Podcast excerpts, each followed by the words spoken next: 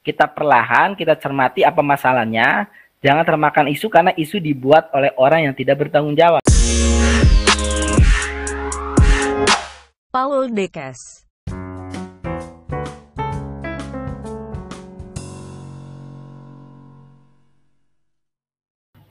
Halo semuanya, uh, selamat datang di podcast kami dari kelompok Keberanian Malahayati dari kelas PKNCE. Nah, uh, kami dari Universitas Katolik Parahyangan. Uh, sebelum mulai, kita kenalan dulu kali ya. Uh, dimulai dari saya dulu ya. Nama saya Alif Dwi Hadinatul Islam uh, dengan NPM 611210168 dari jurusan Arsitektur. Uh, saya Muhammad Firdis, 611212156 dari jurusan Arsitektur. Uh, nama saya Trisha Alicia Nahak, NPM 609210107 dari jurusan Hubungan Internasional. Nama saya Monika Ratnawang Sawiharja, NPM 611210152 dari jurusan Arsitektur.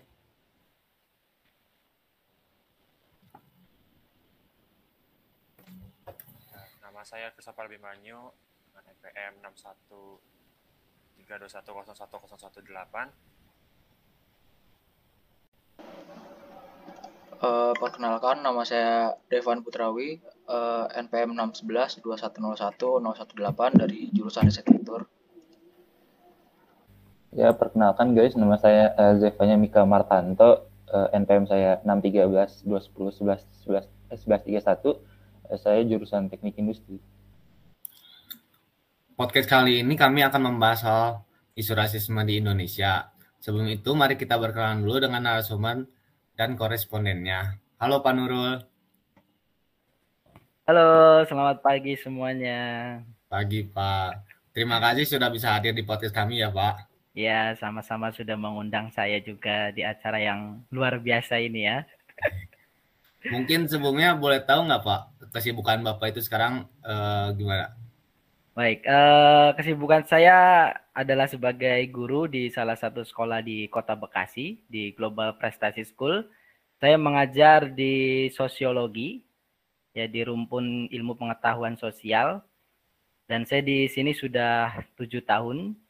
Dan saya juga aktif di beberapa media sosial seperti Instagram maupun saya juga punya podcast nanti ya boleh mampir ke podcast saya. Tapi isinya lebih mengulas kepada isu sosial atau semata pelajaran sosiologi gitu sih. Oh hmm. gitu ya Pak. Makasih ya Pak. Lalu kita juga uh, kedatangan Kak Willy sebagai koresponden. Halo Kak Willy. Halo semua. Uh, boleh tahu nggak kesibukan Kak Willy itu sekarang uh, ngapain? Um, saya sekarang lagi sedang kesibukan saya adalah saya seorang mahasiswa di salah satu universitas di UGM, eh di Jogja, yaitu Universitas Gajah Mada di Jogja. Um, jurusan saya adalah HUP MKP dan sampai sekarang saya masih berkuliah, masih semester 3. Oh, semester 3 ya? Hmm. Jadi cuma beda satu tahun dari kita-kita ya? ya. Oke, uh, baik. Uh, ini kita mulai sekarang aja kali ya. Sampai ngobrol aja, santai aja. Kita juga ada open diskusi ya, Kak. Pak. Uh, terus juga kita akan memberikan ada 10 pertanyaan juga. Jadi kita ngalir aja. Uh, mungkin mulai aja dari podcast ini kan akan membahas tentang suatu isu yaitu rasisme ya. Nah, ada satu pandangan bahwa rasisme adalah suatu sistem kepercayaan atau doktrin yang menyatakan bahwa perbedaan biologis khas manusia menentukan pencapaian budaya atau individu. Bahkan suatu ras tertentu lebih superior dan memiliki hak untuk mengatur ras yang lainnya. Uh, mungkin uh, menurut Kak Willy sama Pak Nurul, setuju nggak dengan hal yang saya sampaikan tadi? Atau bisa ada pemahaman sendiri apa itu tentang rasisme? Jadi maksudnya definisi dari masing-masing. Boleh dimulai dari uh, Pak Nurul. Baik, uh, pertama terkait dengan pertanyaan bahwa kayak seolah-olah ada doktrin ya, doktrin yang menyatakan bahwa rasisme itu memang seolah-olah diajarkan gitu ya. Apakah memang sebenarnya setiap ras yang ada di muka bumi ini, ya entah itu ras kan banyak ya. Ras itu berarti lihat berdasarkan fisik. Ya, ras itu dilihat berdasarkan fisik dan kita di manusia di bumi ini memiliki ciri fisik yang berbeda, terutama warna. Nah, tadi ada mengatakan superior katanya. Ada doktrin yang mengatakan buat superior. Kita kembali kepada eh, naluri makhluk hidup. Ya, naluri makhluk hidup termasuk kita juga termasuk di sini dalam makhluk hidup. Cuman kita katakan dalam mata saya kita sebut sebagai makhluk sosial. Nah, kata sosial di sini menganut daripada masyarakat. Artinya kita ini kan makhluk yang memang saling berhubungan dengan orang lain. Nah, dalam setiap makhluk hidup itu butuh yang namanya teritorial atau ya bahasanya batas kekuasaan atau garis-garis kekuasaan sehingga ini memicu di mana masyarakat atau kita sendiri seolah-olah melihat orang yang kayaknya beda jenis, wah beda nih dia warnanya. Apakah sama dengan kita? Kayaknya bukan. Ya udah gimana caranya kita kuasai. Nah, dari dulu itu seperti itu gitu kan. Nah, jadi kalau dikatakan doktrin secara langsung memang tidak diajarkan. Tapi secara naluri makhluk hidup kita kayaknya begitu gitu loh. Ya, bahkan ada ya kita tahu sendiri di sini bahwa nggak boleh kita rasis segala macam. Tiba-tiba dengan teman kita kita emosi, bisa aja kita muncul rasis. ya, jadi dalam hal ini sebenarnya naluri ya. Tapi yang perlu di kita pahami adalah di sini uh, jangan sampai rasisme mengarah kepada sebuah konflik.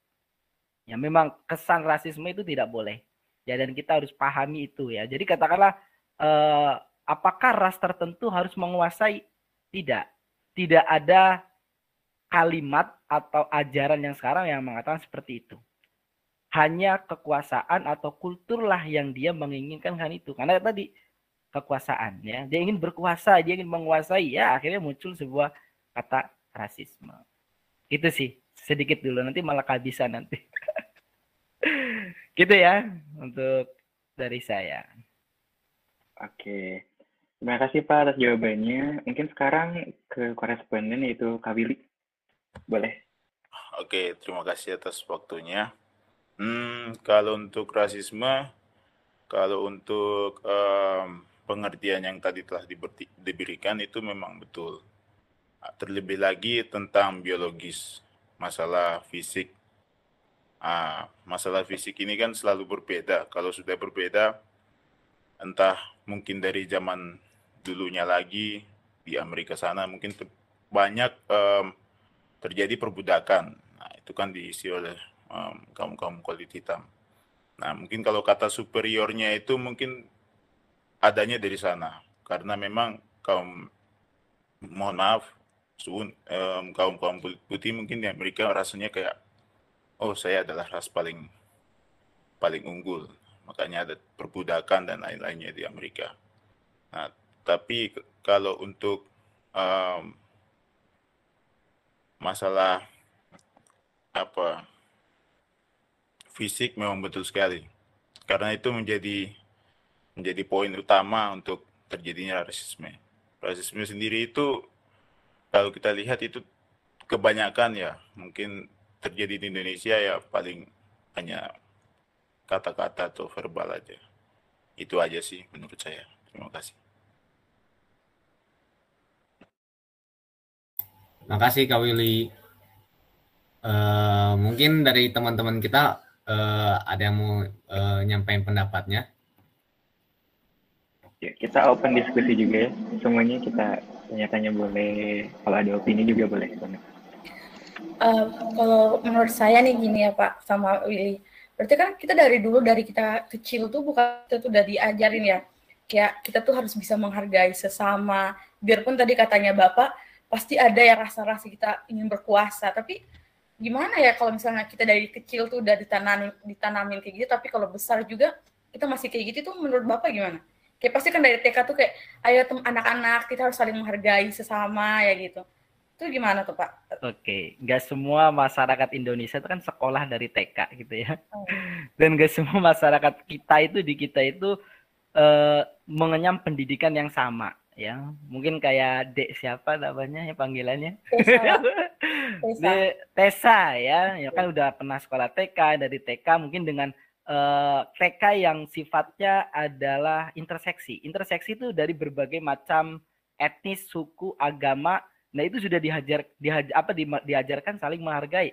Tapi ketika dia nggak sekolah sama sekali, kemudian tiba-tiba gede, ya, terus kemudian ngelihat orang tertentu dan udah terlalu emosi, dia bisa aja langsung ngucap kayak, "Woi kamu ngapain?" gitu kan, dengan kata-kata dia yang mungkin arahnya kepada fisik rasis gitu kan.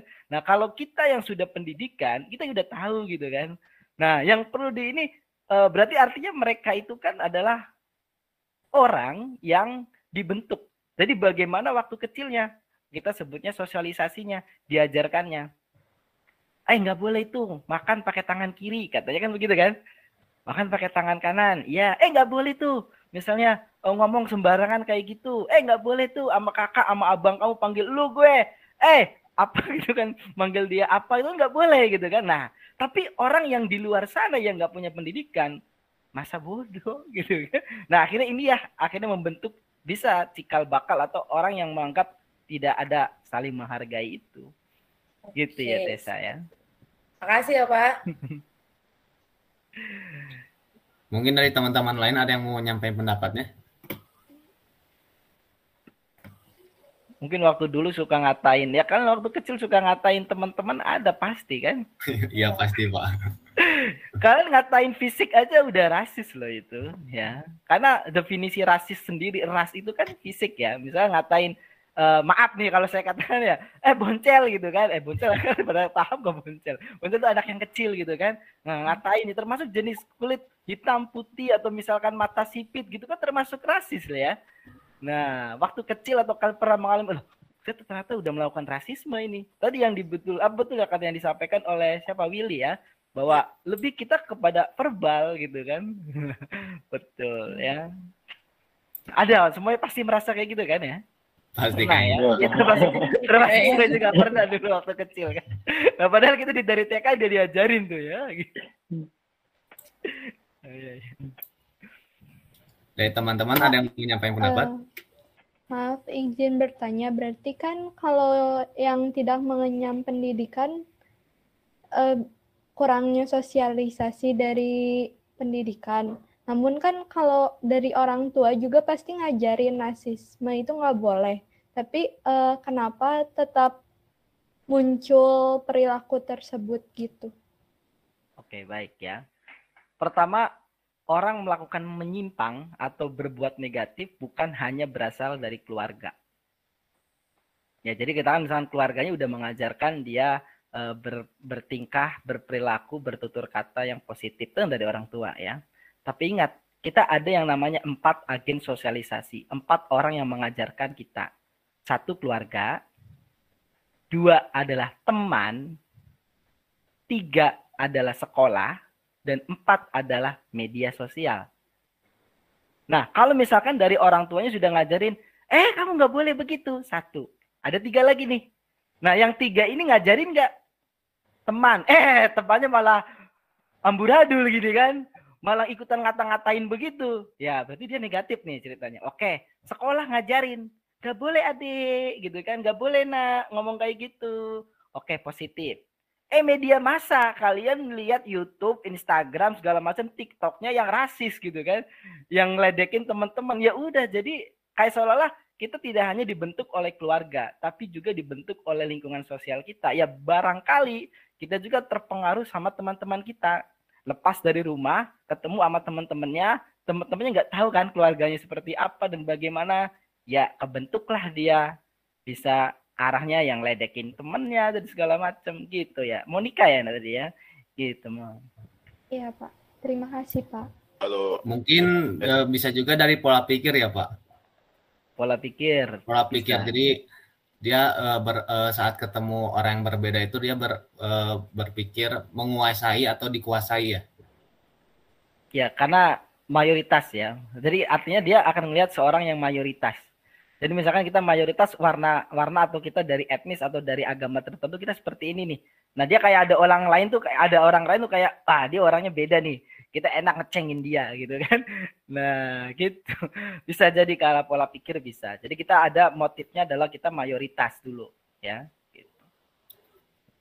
mungkin kau Willy ingin ber, berpendapat um, kalau untuk sosialisasi sih um, di zaman modern gini kayaknya nggak perlu deh sosialisasi oh. itu memang kalau dari kecil udah dididik dengan orang tua yang baik terus uh, pergaulan yang baik kalau bisa jangan bergaul sesama ini kalau bisa bergaul sama orang oke orang apa cah ini satu apa kan mm -mm. itu kan maksudnya itu dari terbiasa saja kebiasaan saja kalau sudah kebiasaan makanya di Papua tuh tidak ada rasis karena semua main bersama-sama tuh wow. tidak ada tidak ada namanya um, ras agama nggak ada di bawah sama sekali itulah um, kayaknya itu mungkin dari kebiasaan kebiasaan mungkin harus bergaul dengan semuanya gitu. Hmm. Yang harus ditekankan adalah kalau mau mendidik ya mendidik dari kecil tapi mendidiknya bahwa bagaimana caranya kita bisa bergaul uh, dengan semua orang itu aja tanpa melihat perbedaan. Kalau udah udah ada dasar itu ya mana mungkin mau rasis kan dia rasa semua sama aja. Hmm, gitu aja sih. Iya. Berarti Willy tinggal di kota di sana ya? Iya di Jayapura saya. Oh Jayapura iya kota ya. Hmm. Nah ini pengaruh juga yang namanya geografis ya. Geografis itu juga mempengaruhi perilaku kita ya. Uh, kayak misalnya Willy kan di Jayapura, dia dengan kota yang sangat metropolis ya, artinya beragam suku, ras dan itu dari bercampur dan kita udah sering main ya. Sama sama kayak kalian di Bandung, misalkan di Jakarta, di Bekasi gitu kan Nah, itu kan metropolis ya. Nah, artinya kita udah ada yang namanya interseksi. Interseksi itu adalah kayak ada himpunan, bukan himpunan ya, irisan di mana di dalam garis himpunan itu semua dari ras semua itu ras, kemudian etnik, eh, agama tertentu kumpul jadi satu. Jadi kita udah udah ketemu dengan yang akhirnya apa rasa temannya kita yang tumbuh gitu kan. Hmm. Nah, walaupun ya. ada rasis kayak verbal, tapi itu kan kayak candaan aja. Candaan. Ya, itu. Hmm. Betul betul betul. Ya. Baik, uh, kita menjadi dapat pandangan baru tentang apa itu rasis, rasisme ya. Mari kita lanjut untuk pertanyaan kedua ya Pak. Uh, rasisme dapat dibedakan menjadi beberapa jenis bentuk. Salah satunya adalah rasisme yang mempengaruhi interaksi publik mereka. Dari narasumber, koresponden, apakah pernah melihat kejadian tersebut dan mengalaminya? Mungkin bisa dijawab dulu dari Oke, ini ada kata publik ya. Uh, jadi kan tadi ada jenis rasis ya, memang ya. Ada rasis memang ada jenisnya.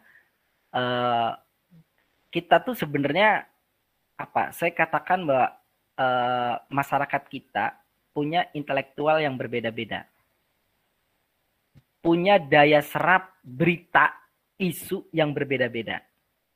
Nah, kita sebutnya public issue. Nah, public issue itu di mana ketika udah dilontarkan ini sebuah isu, berita, wacana di masyarakat kita, kemudian bagaimana dia merespon. Bahasa gampangnya gini, ya. Eh, anak lu dipukulin. Sama siapa? Itu sama orang tuh yang di sono tuh. Katanya dia gebukin gara-gara eh, apa namanya ngambil buah di depan rumahnya. Oh, yang rumahnya itu, kata dia. Terus dia mikirnya karena dia emosi anak yang digebukin, itu yang orang Papua tadi kata dia. Iya. Ya udah kita keroyok ke sana keroyok gitu kan. Yuk semua keroyok kita datengin ke sana. Nah, tadi orang yang tadi yang udah terlanjur emosi, kemudian dia ngundang teman-temannya, langsung ngelemparin batu ke rumahnya. Ini is, apa ilustrasi ya. Nah, ngelemparin segala macam. Ini gara-gara apa? Gara-gara dia tidak berpikir sehat, berpikir jernih. Tadi intelektualnya dia keburu emosi. Padahal bisa jadi itu isu yang tidak benar. Nah itu kan ada ya interaksi di publik ya, dan itu sering terjadi. Banyak kalau misalnya kita muncul trending topik di Twitter, kemudian ada, nah itu kan berasal dari sebuah interaksi publik. Dan bahkan masyarakat kita jempolnya lebih cepat daripada otaknya. Nah, dia keburu retweet, tweet, tweet, like, like, post, repost. Padahal dia tuh ada read more gitu kan di bawahnya gitu kan. Kalau di WA gitu kan, nggak dibaca, langsung forward judulnya gitu kan. misalnya katakanlah orang uh, Papua atau orang kulit hitam melakukan bla bla bla, langsung repost. Padahal dia nggak dibaca sampai akhir. Nah, itu namanya dia termakan sebuah uh, isu publik. Ya. Nah, harusnya kita, apalagi yang kita punya, tadi saya bilang intelektual kita dan akademik kita kan berbeda-beda ya. Nah, jangan dulu menyikapi itu, kita perlahan, kita cermati apa masalahnya, jangan termakan isu karena isu dibuat oleh orang yang tidak bertanggung jawab. Bahasanya oknum gitu kan. Ada yang sengaja memperkeruh masyarakat kita. Kita udah cukup harmonis betul. Misalkan masyarakat di Jayapura udah cukup harmonis. Tiba-tiba ada poli apa kekuatan politik tertentu jadi bikin isu bisa pecah. Betul ya Will ya? Karena suka ada isu begitu. Benar, Pak. Ya. Bisa pecah cuman gara-gara isu yang tadi gitu kan. Nah, gitu ya.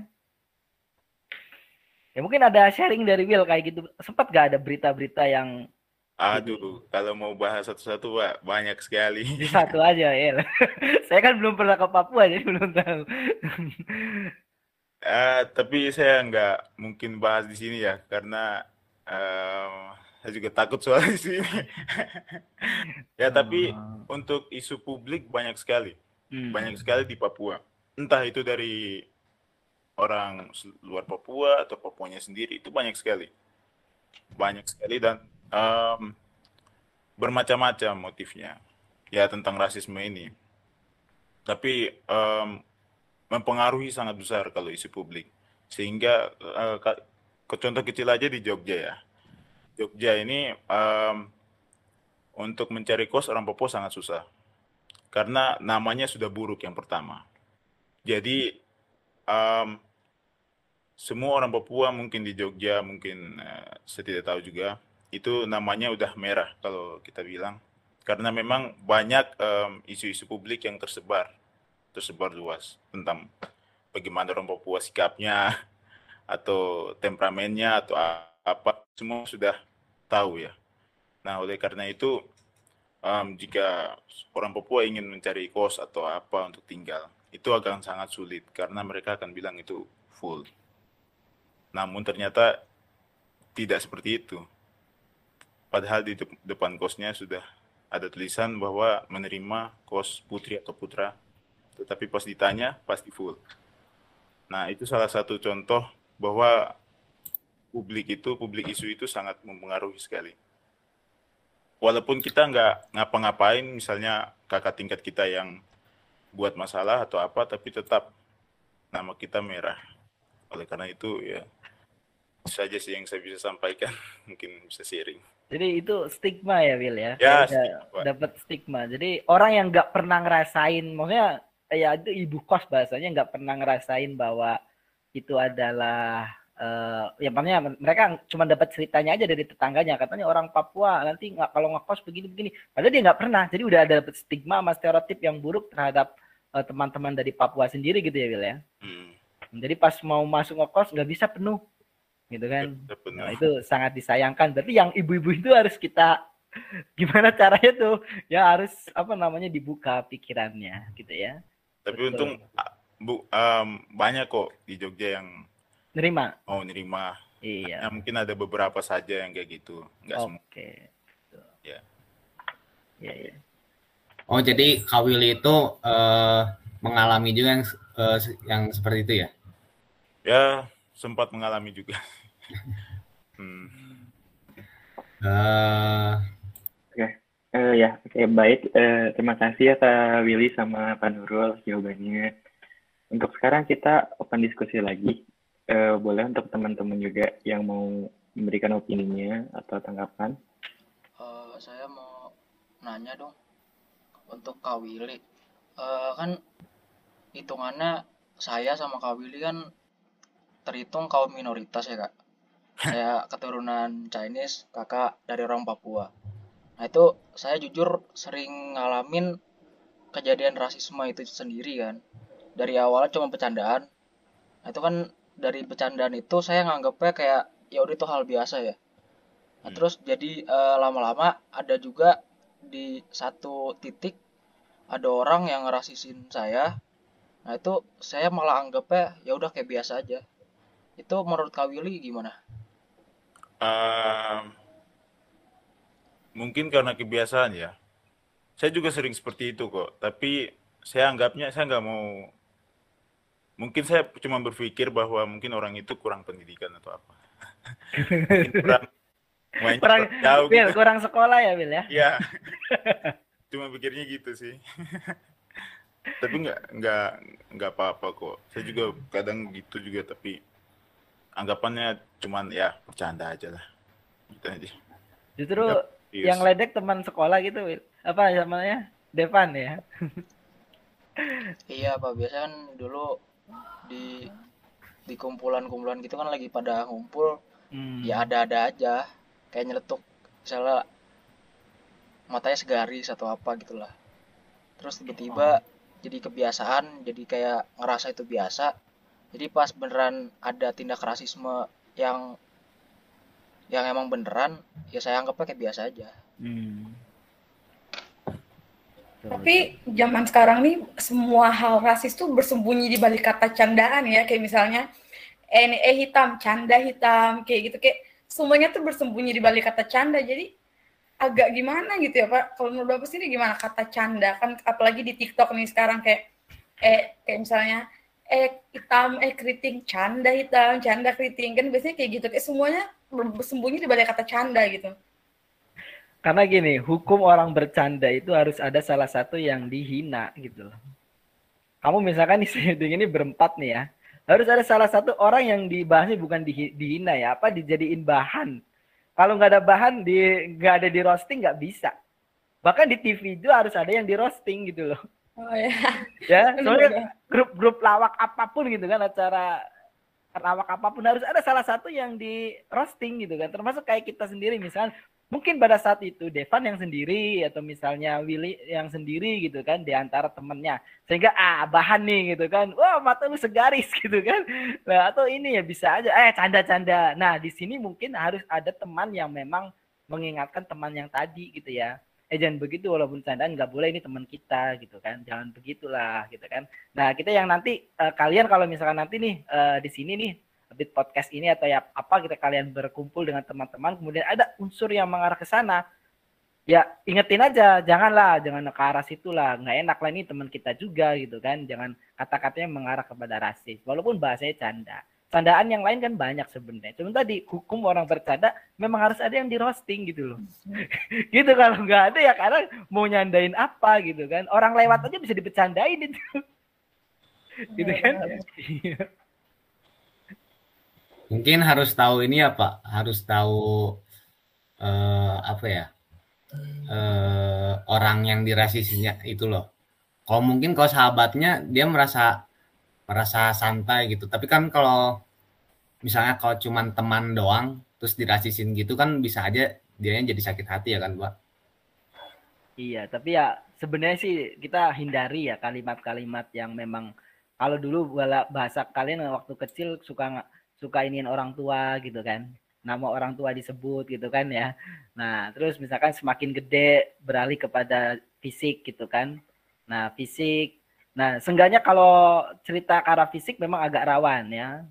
Kalau memang dianya sebenarnya sih dia pasti ingat ya, dia bercanda pasti ingat. Cuma lama kelamaan dia kan akan membekas gitu kan. Oh, gue di bahasanya dibully bully verbal ya. Uh, dengan teman-teman saya dulu saya begini, saya begini, saya begini. Pas dia dewasa, pas dia uh, udah sukses, kadang itu diceritain. Saya dulu dikatain begini sama teman-teman saya. Padahal waktu dulu temennya bercanda. Jadi ya sebisa mungkin kalau bahasa seperti itu ya nggak usah jadi bahan bercandaan gitu kan. Nah kadang ya termasuk kalimat ya uh, kadang ada yang mengatakan e, kamu gendutan sih gitu kan. Secara tidak khusus itu juga kayak menyinggung gitu loh. Kamu kamu kayaknya gendutan sih abis apa namanya belajar online gitu kan. Gendutan sih. Dan terus dia mikir aduh gua gendutan ya? Apa gua makan? Padahal dia cuman cuman apa cuman nebak gitu kan. Cuman nebak cuman cuman spontanitas aja gitu kan. Nah jadi bahasanya bercanda yang lain atau betul nanti walaupun bercanda dia akan akan apa membekas gitu ya. Sedikit itu akan membekas. Gitu ya. Siapa? Firdis ya Oke, baik. Ya, terima kasih Pak. Uh, jawabannya juga sama Kak Willy ya. Berarti tadi uh, banyak banget informasi yang kita dapat dari susahnya nyari kosan di Jogja mungkin ya, tapi nggak semuanya. Masih ada stigma negatif juga dari yang udah lama. Terus juga tadi ada bercandaan yang mungkin kurang ya. Harus kita harus punya limit mungkin ya untuk ngobrol ke orang lain gitu. Oke, kita lanjut uh, ke pertanyaan ketiga. Uh, saya mulai aja ya. Untuk uh, bentuk rasisme seperti apa yang sering terjadi di lingkungan sekitar uh, Kak Willy sama Pak Nurul? Mungkin kan tadi sudah dibahas dari uh, dasarnya, mungkin lebih sekarang lebih spesifik ya. Untuk uh, rasismenya apa sih yang di sekitar lingkungan Kak Willy sama Pak Nurul? Oke, boleh dimulai dari uh, Kak Willy. Oke, untuk rasisme yang ada di lingkungan saya ya, mungkin lebih ke verbal ya, lebih ke kata-kata. Itu sudah pasti sekali kalau kata-kata udah uh, itu sudah memang rasisme seperti itu.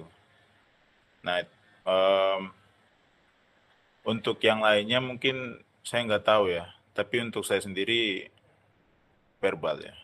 Mungkin dari Pak Nurul. Ya, kalau sekarang memang mayoritas verbal ya, karena hukumnya udah jelas kan, di mana hukum tentang hak asasi manusia udah benar-benar uh, jelas ya. Berbeda dengan era kolonialisme itu udah sangat ada yang namanya perbedaan. Kan dulu kan ada tiga golongan ya.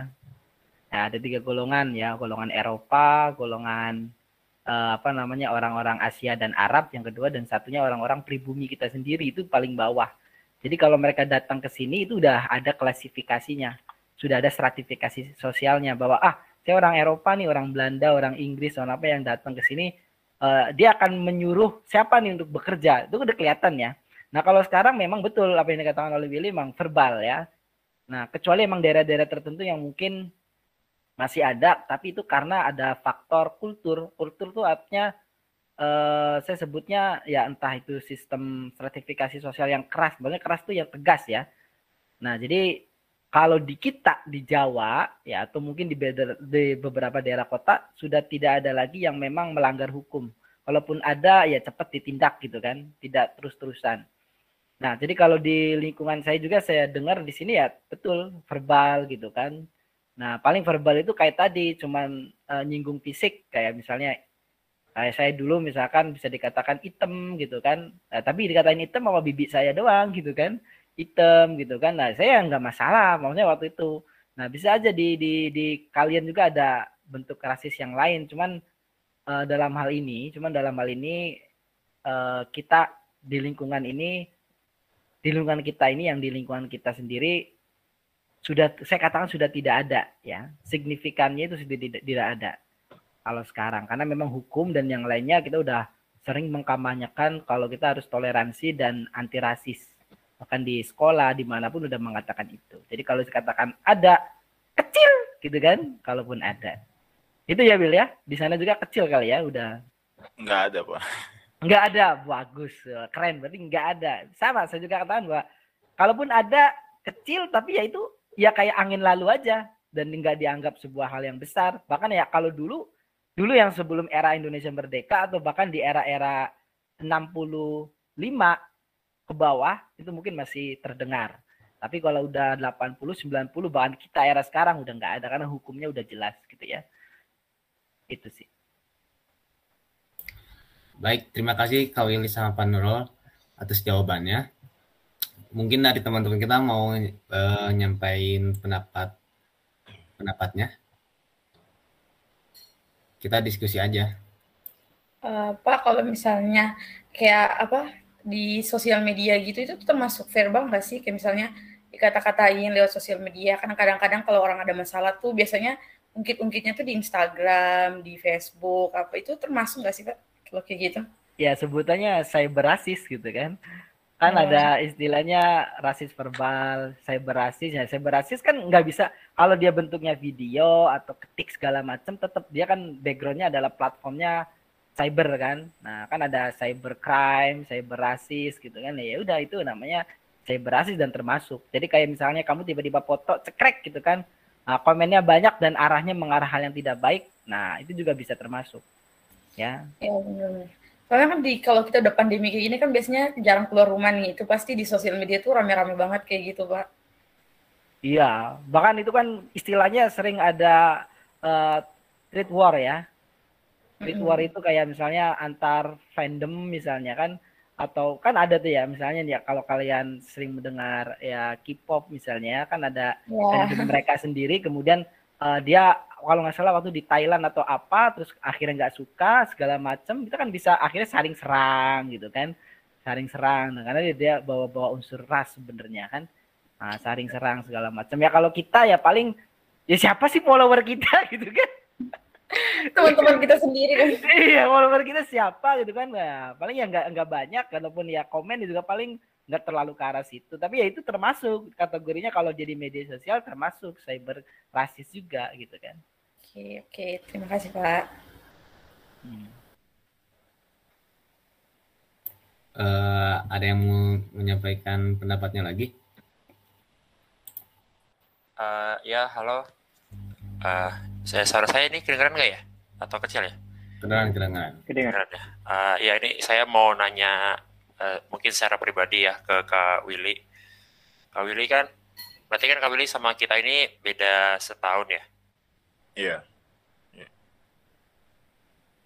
Iya. Beda setahun atau gimana ya? Nge-freeze tuh kayaknya. Oh ya? Oh, dia kayak kurang, uh, internet kurang stabil. Oh wait wait. Oke. Okay. Mungkin kita lanjut aja kali ya. Kita juga uh, beda setahun sama kalian. Mungkin saya boleh nanya MC.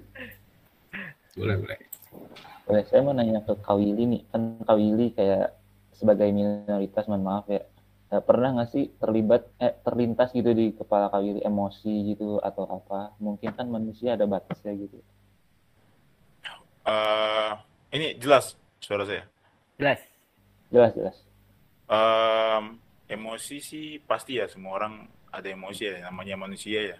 Hmm. Kalau udah lewat batas ya emosi juga.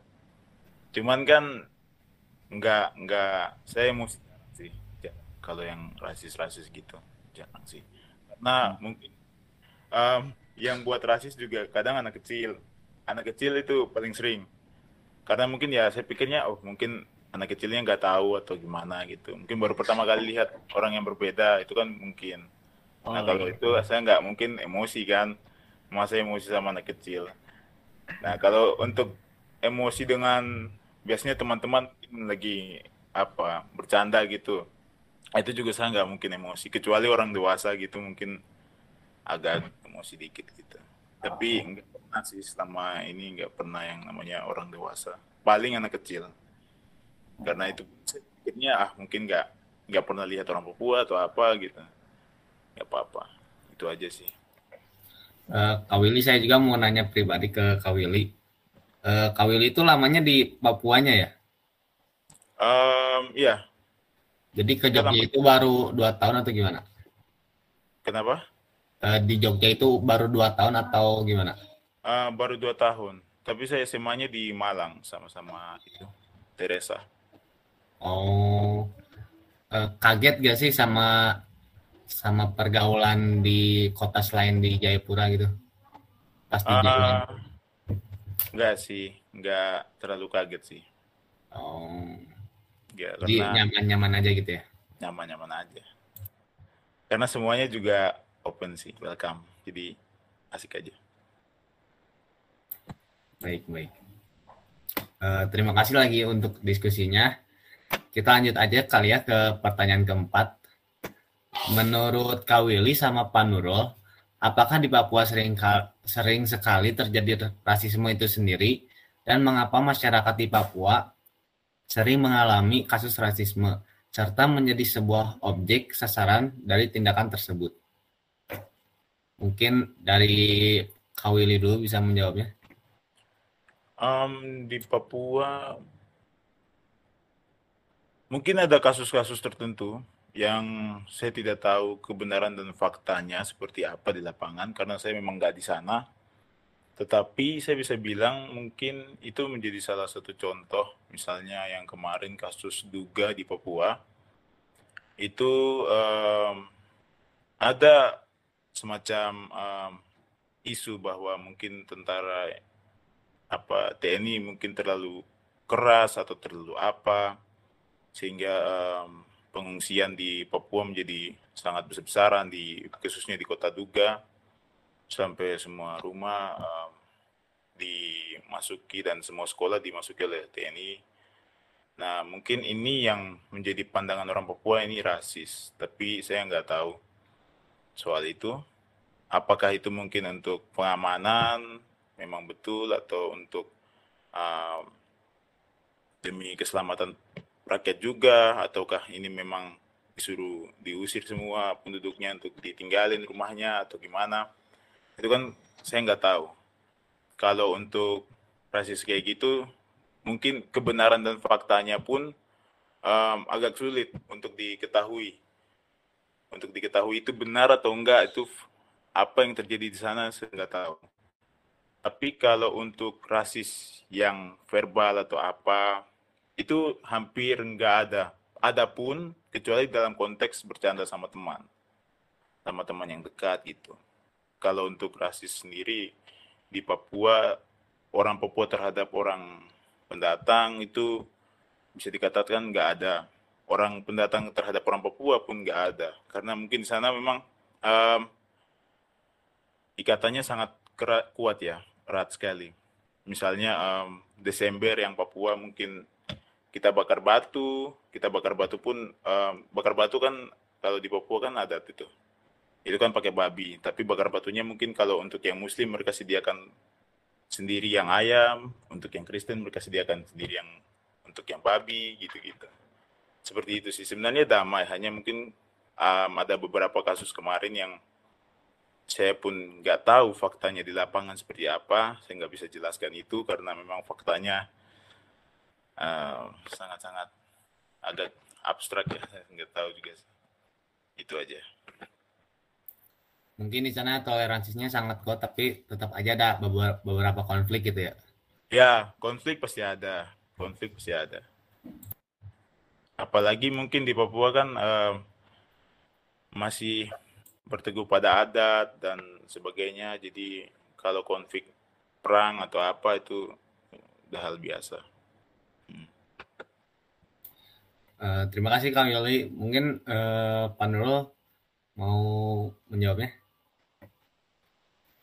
Oke, okay, uh, tadi udah disampaikan Willy yang asli sana ya, bahwa dia udah dengan tegas mengatakan sudah tidak ada ya, tidak ada isu rasis ya. Dan ini juga perlu kita ada apresiasi ya, kita kata kita apresiasi bahwa selama ini yang kita dengar kayaknya seolah-olah ada banyak rasis di Papua gitu kan, dan ini Eh, perwakilan dari sananya mengatakan bahwa kita tidak ada rasis. Ya. Nah, saya juga sebenarnya ketika ada berita rasis juga saya berpikirnya apakah memang benar masih ada rasis gitu kan di era yang sekarang yang memang hak asasi manusia udah sangat tinggi. Nah, sehingga kalau saya katakan kalaupun itu ada rasis di Papua adalah kepentingan. Karena dalam konflik itu eh, salah satu bahan untuk menciptakan sebuah konflik adalah apa? Salah satu isu rasis yang dikeluarkan. Nah, selain isu-isu kepentingan yang lain ya. Nah, jadi uh, bahasa saya itu adalah isu rasis yang paling empuk. Rasis, agama itu paling empuk. Ya, agama beda, salah satunya bisa bikin pecah, gitu kan? Orang dirasisin gara-gara bisa bikin pecah. Kenapa? Dari satu rasis ini dia memunculkan yang nama etnosentrisme. Ya, etnosentrisme itu di mana masyarakat kita akan berpegang teguh pada kelompoknya masing-masing. Jadi kayak fanatik banget dengan kelompoknya mereka sendiri. Nah, misalkan di sini uh, Will tiba-tiba dapat WA gitu kan. Orang Papua digini-giniin di Jogja. Apa yang dipikirkan sama Will pada saat itu ketika dapat WA? Waduh gitu kan. Bisa aja kalau dia tidak menyikapi dengan positif segala macam, dia udah emosi. Ada di mana nih? Sini gue turun tangan. Di mana? Di Jogja di mana gitu kan? Bisa aja Will kayak gitu ya Will ya. Yeah. Nah, jadi ketika kita berpikir, aduh, ini apa nih? Masalahnya apa nih tiba-tiba begini? Nah, sama di sana juga rasis itu diciptakan gitu ya. Jadi saya pikirnya bisa aja ini ada yang menciptakan isu rasis gitu. Padahal di sana sudah tidak ada. Ya. Nah, andai kata misalkan ada itu isu rasis misalkan beneran terakhir yang saya dengar itu adalah di mana ada salah satu orang eh, Papua di Papuanya sendiri. Saya lupa daerahnya mana, Wamena atau apa gitu ya. Dia minta-minta di tukang nasi padang sama bubur ayam. Nah, terus diminta-minta, maksa. Nah, kemudian datanglah dari salah satu aparat TNI. Nah, bahasanya sih di situ ingin menertibkan. Nah, dengan, cuman dengan cara mengunci, mengunci ya. Nah, mengunci, mengunci dalam artian mengunci kayak megang begini tapi di di badannya gitu kan.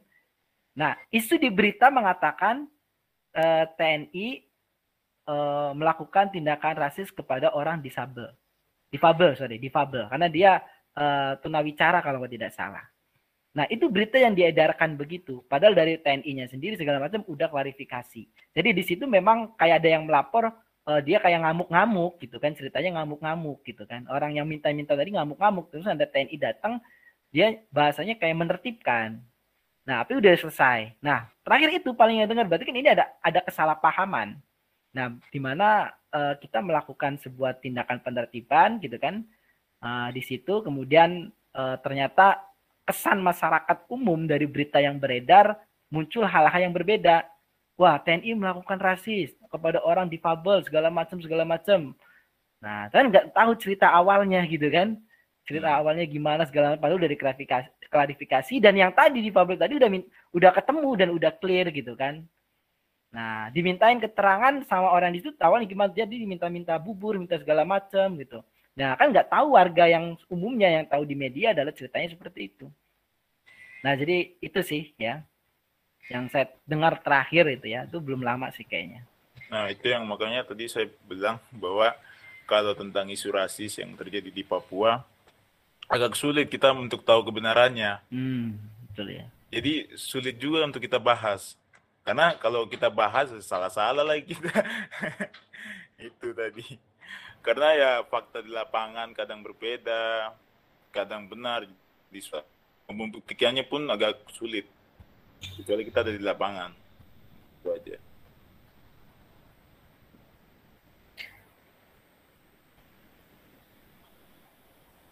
Oke, baik. Terima kasih atas jawabannya dari Kak sama Pak Nurul.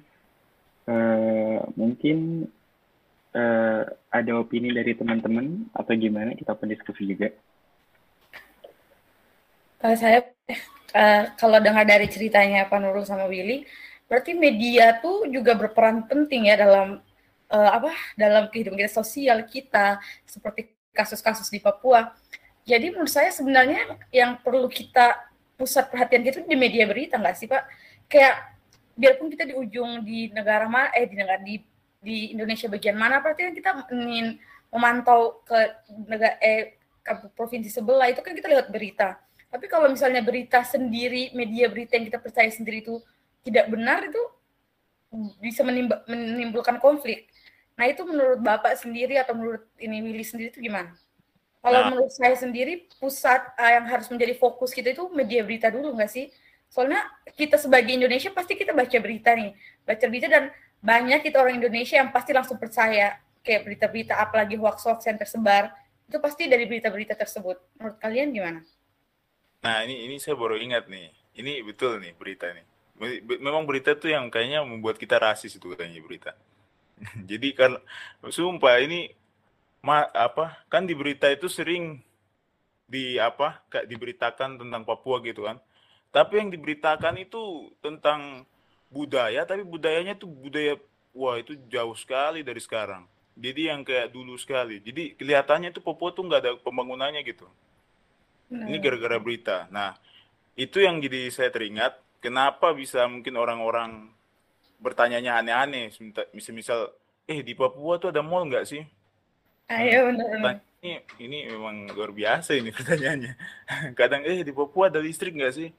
Nah ini kan pengaruh, saya nggak mungkin salahkan mereka, mungkin pengaruh media salah satunya. Media itu bisa dikatakan media rasis sih kayaknya. Iya. mungkin dari Pak Nurul bisa tambahkan sedikit. Iya iya. Betul ya. Uh, ya saya kan sudah katakan dari awal bahwa kita juga terpengaruh sama media ya. Dan yang perlu kita ketahui juga ada yang mengatakan uh, media itu salah satu daripada pilar demokrasi. Ada yang menyebut seperti itu. Kan ada tiga pilar demokrasi ya. Nah, tiga pilar demokrasi itu yang kita tahu ya eksekutif, yudikatif, dan legislatif itu ya. Dan salah satunya adalah pers. Nah, pers ini menjadi uh, saya katakan bisa dikatakan penyeimbang dan bisa dikatakan sebagai uh, provokator pers. Bahkan juga uh, kan kadang pers itu kan menggunakan platformnya adalah media sosial ya, platformnya ya. Nah, sekarang siapa pun bisa jadi pers. Kalau dulu kan pers jelas ya yang ada yang ada apa namanya tabloid, majalah gitu kan, koran itu kan pers ya. Nah, sekarang siapa pun bisa menjadi pers kalian pun bisa menjadi pers dalam website kalian yang bisa kalian create sendiri atau YouTube kalian atau Instagram kalian, Twitter kalian bisa kalian create sendiri menjadi pers yang tiba-tiba kalian jadi jurnalistik, netizen jurnalistik gitu kan, bikin konten, bikin apa segala macam gitu kan dengan gagasan kalian. Nah, nah itu jelas itu memberikan pengaruh gitu kan. Kalau kata Willy tadi, jadi yang rasis itu adalah siapa? Jurnalistiknya gitu kan. Betul, dia bikin konten gitu kan sorry. Saking semangat. Ya. Dia bikin konten gitu ya. Bikin konten. Tapi yang nggak semua jurnalistik atau pers itu ke arah sana atau buruk gitu kan. Enggak kadang memang berita yang suka dilebih-lebihkan. Nah, beritanya dilebih-lebihkan. Ya terjadi kayak tadi. Apa segala macam. Mereka punya konten. Dan kalau kontennya bagus banyak yang ngeklik banyak yang ini naikkan ratingnya dia ya viewernya naik, beritanya juga banyak yang ngeklik di apalagi sekarang ya. Nah itu itu itu salah satu konten. Nah kalau misalkan itu udah kayaknya nggak laku, ada berita lain nih misalnya beritanya tentang apa? Ya pernikahan siapa kayak diberitain terus gitu kan? Bisa aja kan terus saja pernikahan siapa, bahkan isu apalah pembunuhan siapa yang sidangnya berkali-kali di dijalanin gitu kan kita nonton gitu kan Nah, jadi itu ada ada sistem atau mesin dalam komputer atau ini yang melacak wah ini konten lagi rame nih, lagi trending gitu kan. Terus dia kan, tapi kalau udah enggak ya udah gitu kan. Dia coba cari konten betul apa yang akan Will itu tadi ya. Ya jadi pers ya atau media atau jurnalistik itu. Jadi kita harus hati-hati di situ. Baik, terima kasih Pak, terima kasih Willy. Oke, mungkin ada uh, teman-teman yang lain, ada yang mau diobrolin juga? Atau mau lanjut? Uh, lanjut aja ya, oke.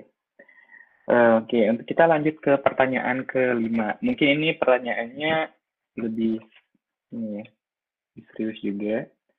Jadi saya bacain aja. Uh, tidak ada, uh, tidak ada, tidak hanya ada satu kasus yang menimpa masyarakat Papua yang berkaitan dengan diskriminasi Contohnya adalah kasus pembunuhan di luar hukum oleh aparat yang di mana dalam pasal 28A dan 28I eh, UUD 1945 serta Undang-Undang Nomor 39 Tahun 1999 tentang hak asasi manusia yang intinya setiap orang berhak untuk hidup serta berhak mempertahankan hidup dan tidak disiksa.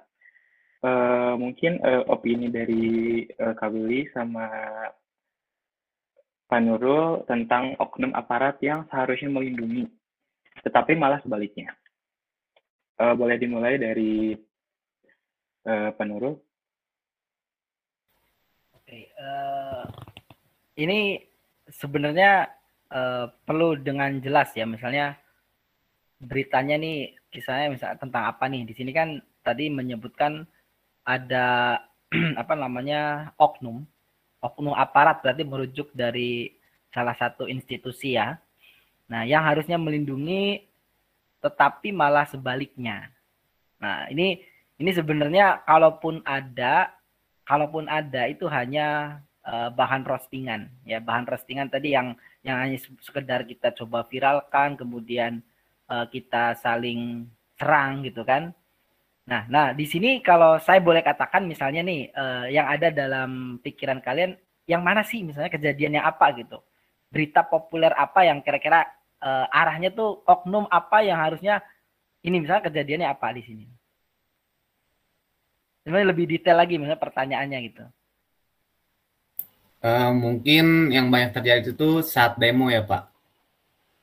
Demo. Jadi saat demo damai tetapi eh gimana ya? Eh, saat demo damai terus ada oknum-oknum aparat yang eh, kasar gitu ke pendemonya. Eh, sama ini juga Pak, mungkin kurang jelas ya tadi. Kalau di berita itu kejadiannya tanggal 2 Juli 2018. Jadi ada 100 warga orang Papua meninggal uh, dunia di tangan aparat gitu Pak. Itu nanti saya bacain aja. Salah satu pemicunya itu adalah adanya uh, aspirasi politik tentang kemerdekaan Papua Pak. Oh, oke. Okay. Baik, ya. Pertama kita harus tahu juga bahwa ada aktivis Papua ya. Aktivis Papua yang pro demokrasi Papua. Yang berikutnya adalah yang mungkin aktivis NKRI.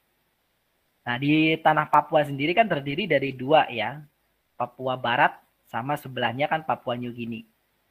Nah, kita cek dulu secara historis ya, secara historis bahwa uh, kata Irian, Irian Dulu kan namanya Irian di Papua ya. Yeah. Nah, itu kan singkatan ya, di sejarah itu singkatan. Ikut Republik Indonesia anti Nederland. Irian itu kan. Nah, dari sebuah kata singkatan. Kemudian dia menjadi Papua Barat ya. Dan itu Papua Papua Barat itu sama Soekarno karena dia ingin gabung dengan kita bareng-bareng ya kita ikut. Nah, tapi di dalamnya, di dalam Papua itu ada yang tadi namanya gerakan separatis. Nah, saya juga berita yang tadi misalkan ada di di tangan aparat gitu ya. Kalau misalnya itu adalah aktivis atau pro demokrasi Papua atau orang-orang OPM, orang-orang separatis. Nah, dikatakan melanggar hak asasi manusia, kita harus cek dulu secara panjang durasinya bahwa benarkah memang yang jadi sorotannya itu hanya sorotan hanya bagian ini, bagian ini atau bagian ini. Jadi kita harus mengecek secara historis yang panjang, gerakan eh, separatis yang di Papua itu udah panjang banget ya, OPM itu udah panjang banget dan setiap berapa Desember gitu yang tadi ada bakar batu itu di diperingati. Tanggal berapa? Satu Desember, ya kan ada ngibarin bendera bintang kejora segala macam. Nah, kemudian dimunculkan berita yang tadi eh, katanya kan aparat membunuh dan kemudian diangkat sebagai isu rasis dan pelanggaran hak asasi manusia. Nah, tapi kejadian itu dilihat dulu TNI-nya ngapain gitu kan. Bisa membunuh itu apa? Membunuh tambang anggur gitu kan. Setes senjata, der, mati, ya udah. Kan nggak begitu gitu kan. Pasti ada prosesnya gitu kan. Mereka ada alasannya. Nah, nggak tahu bu atasan bunuh kan pasti beritanya makanya tadi beritanya yang mana nih kok ada aparat yang harusnya melindungi malah ini. Nah, kalaupun memang itu dia melakukan uh, pasti kan ada melakukan bahasanya pembunuhan atau tindak itu kan lebih mengarah kepada penertiban dari KKB gitu kan. KKB itu kepanjangan dari kelompok kriminal bersenjata kan. Nah, KKB. Dan berarti artinya dia udah me mengancam masyarakat umum. Ya, yang saya dengar juga beritanya di sisi lain bahwa eh, orang-orang uh, separatis ini dia kayak bakar rumah warga, terus dia mintain logistik, nggak mau ikut anaknya yang laki-laki, ya udah dibakar atau dia membocorkan rahasia atau segala macam. Jadi ini kan merisaukan masyarakat. Ya, mungkin berita itu hanya sorotan sedikit. Dan yang harus kita tahu ada namanya aktivis Papua yang pro kemerdekaan Papua yang itu juga orang-orang berita dan orang-orang penting. Salah satunya yang terkenal adalah Veronica siapa gitu ya. Veronica. Veronica Iya, Veronica Koman gitu kan. Suka dia menyuarakan itu dan dan artinya di media internasional segala macam seolah-olah tuh ada isu hak asasi manusia, rasis yang dilakukan oleh aparat. Kita cek dulu apa kebaikan aparat gitu kan. Nah, selama ini yang di sana kebaikan aparat apa gitu kan. Mereka udah bangun apa segala macam gitu kan. Nah, itu kita ngelihat jangan satu sisi sempit tapi lebih luas. Dengan cek sejarahnya segala macam. Ya, kalaupun iya ada itu terjadi, pasti punya landasan. Kalau misalnya aparat melawan ini punya landasan. Kalaupun salah ya mereka pasti langsung klarifikasi atau segala macam gitu kan. Itu sih. Oke, terima kasih ya uh, Pak Nurul untuk mungkin Kawil ada opini. Um, saya juga sampai sekarang masih bingung ya kalau berita-berita kayak gitu masih agak ngeblur ya. Jadi tidak tidak tahu benar apa kejadiannya.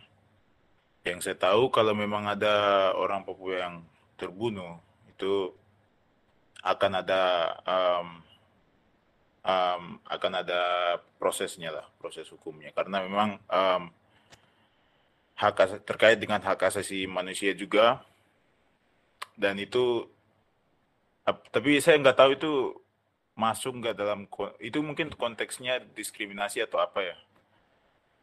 Oh ya berarti benar ya? Oke. Jadi mungkin saya nggak nggak terlalu tahu ya. Tapi kalau memang ada orang Papua yang terbunuh atau apa mungkin akan diproses. Diproses melalui mungkin um, ada kaitannya dengan HAM dan lain-lain itu akan diproses secara hukum. Ap, atau apakah mungkin um, aparatnya yang salah atau dari OPM-nya yang salah nah, itu akan ada itu panjang prosesnya panjang sekali. Untuk pertimbangan sebuah pertimbangan bahwa mana yang benar mana yang salah itu sangat panjang dan tidak bisa langsung kita main uh, menjat saja. Maksudnya oh ini yang salah oh ini yang salah. Enggak enggak hmm. bisa. Karena uh, kembali lagi ke berita ya. Berita tuh kadang-kadang ya kita tahu lah berita itu. Ya pers yang tadi Pak Nurul bilang.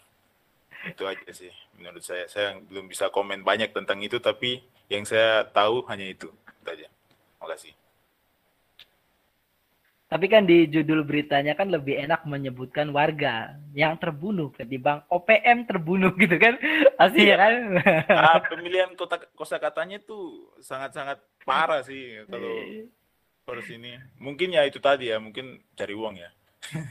ya, cari konten gitu ya, Bill ya. Konten ya, konten. cari berita. Ya, ya, ya. Kalau saya katakan bahwa uh, kalau sekarang sih katakannya, sebenarnya uh, saya juga beberapa baca kisah-kisah ya, uh, termasuk misalnya uh, operasi penyelamatan yang ada di apa Papua itu kan dulu ada di di sana tuh ada uh, aktivis orang luar negeri dan kita dari Palang Merah gitu ya Palang Merah yang disandra di sana dan kemudian diselamatkan. Ya jadi artinya apa? Ketika uh, mereka mereka nih sebenarnya di sisi lain mereka punya kepentingan nih orang-orang yang katakanlah tapi ketika kayak mereka melakukan pembunuhan segala macam baru diberitakan. Ya, nah sebenarnya berita ini muncul ini yang jadi pertanyaan siapa sih penulis beritanya gitu kan?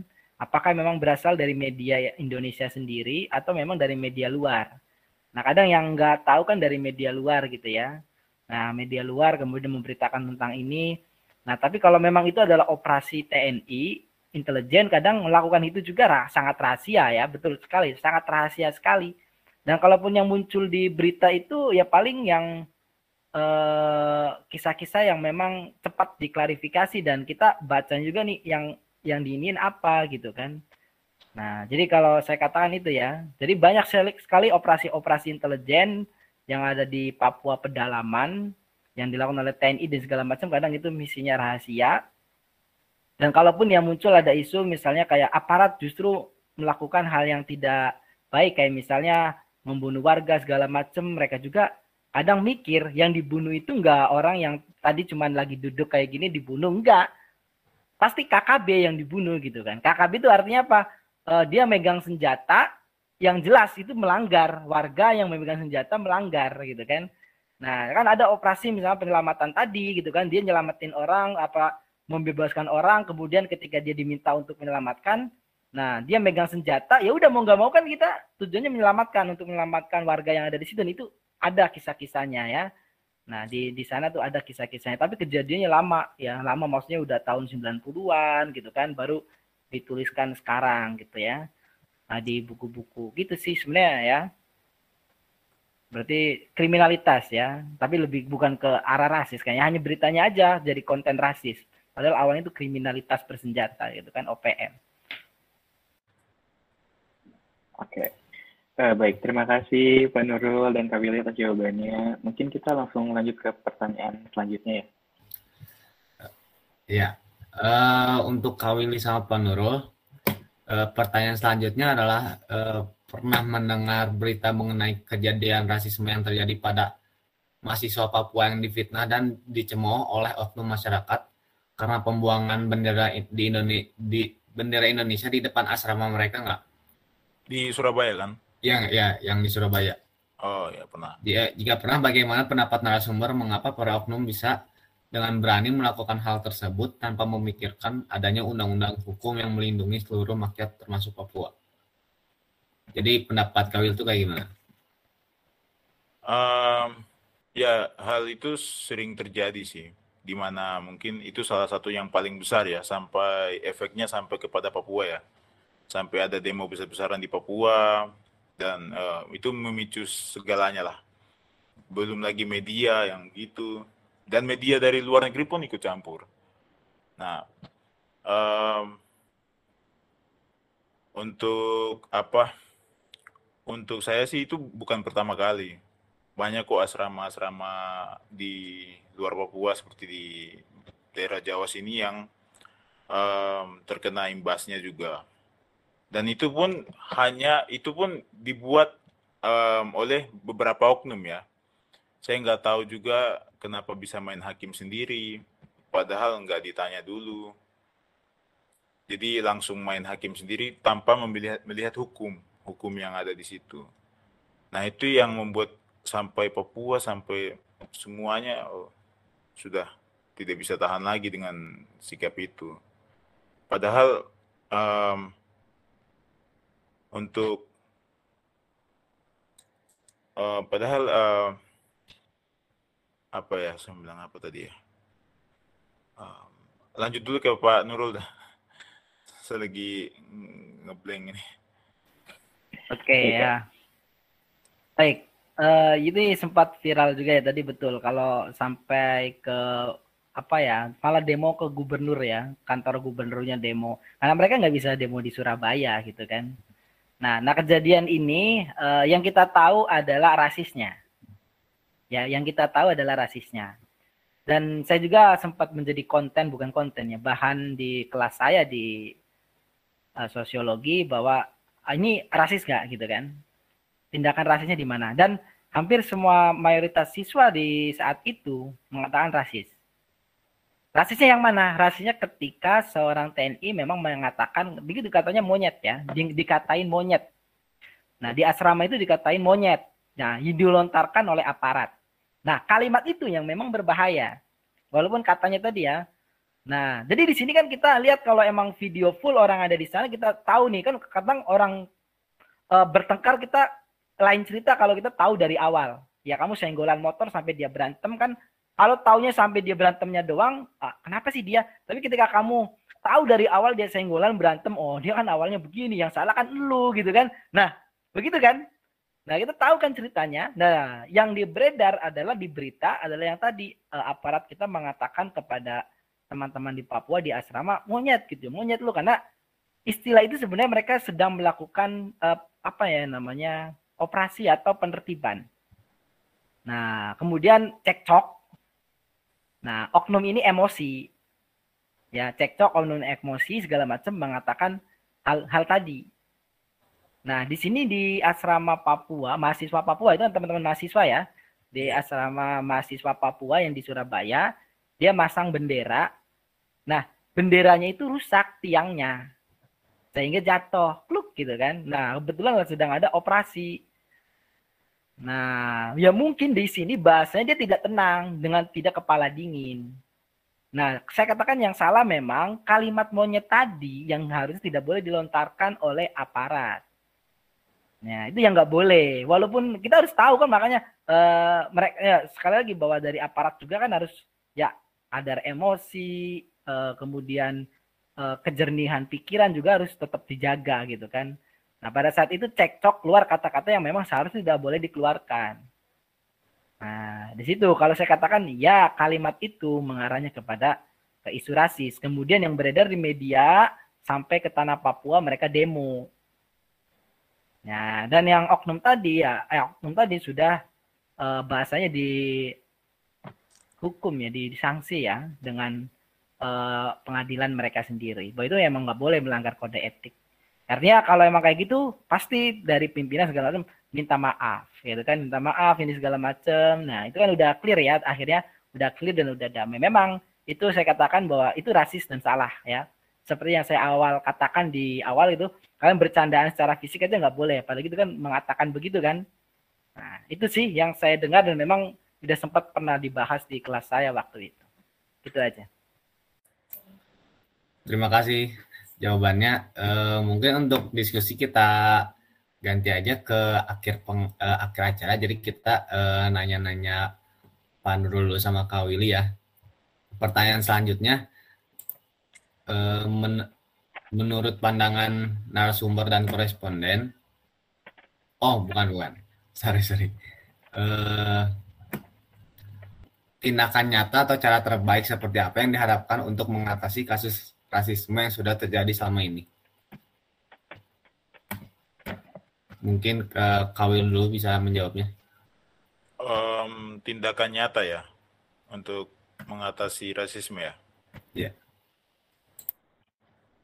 uh, um, saya belum tahu sampai sekarang tindakan nyata itu apa. Tapi yang jelas kan uh, dari pendidikan ya, pendidikan, sosialisasi dan lain-lain itu kan sudah harus dari mulai dari kecil ya. Gak bisa kalau dari besar nanti kaget ya. Nah itu itu harus harus benar-benar sosialisasinya harus benar-benar kalau bisa yang uh, kalau bisa ya itu harus diberitahu juga hukum-hukumnya tentang rasisme dan diskriminasi itu ada hukumnya diberikan pengenalan dan sebagainya agar um, dari kecil tuh mereka sudah dibentuk gitu untuk itu kalau dari besar susah soalnya kalau itu sekarang harus dari kecil agar terbiasa agar uh, menghargai orang, attitude-nya baik, itu kan dari kecil dulu. Itu sih menurut saya. Nanti paling saya tambahkan lagi. Untuk Pak Nurul sendiri, gimana? Ya, tindakan nyata ya. Jadi, uh, jadi tindakan nyata yang jelas-jelas gitu kan, nyata kayak kelihatan gitu kan. Ya, berarti di sini kalau memang ada kasus rasis terjadi oleh institusi negara gitu kan kayak kejadian tadi di Surabaya uh, walaupun itu hanya sekedar head speech ya cuman cuman ngomong begitu doang uh, ya tetap ditindak nyata misalnya ya dicopot dia atau diganti posisi kalau melanggar kode etik ya dipanggil propamnya ya PM-nya atau provosnya yang berwenang Nah, kemudian di sini bisa jadi sampai tingkat pimpinannya juga kadang diganti ya, dan bimnya gitu kan, komandan apa itu diganti. Ya, karena itu melanggar karena nggak bisa mendidik anak buahnya. Nah itu kan kalau kalau ketika ada itu terjadi sampai di institusi ya. Bahkan kalau misalnya itu PNS segala macam bisa dipecat atau dikeluarkan gitu kan karena dia melanggar. Nah, tapi kalau kejadiannya bukan di institusi negara, tapi teman-teman kita sendiri gitu kan. Nah, kalau tadi dikatakan Will dari kecil, ya itu bisa ya, tindakan nyata. Nah, kalau misalkan di teman kita sendiri udah gede gitu katanya udah di sisa. Nah, kalau kita gede yang perlu mengingatkan adalah pihak ketiga atau teman temennya Misalnya di sini kan ada empat orang gitu kan, yang melakukan uh, rasis atau hate speech ini salah satunya.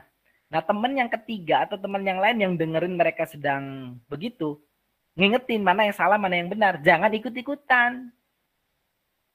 Nah, jadi misalnya di sini uh, Monica, Tere, sama Firdis gitu kan. Ceritanya yang di roasting adalah Firdis gitu kan. Dia cowok sendiri gitu kan.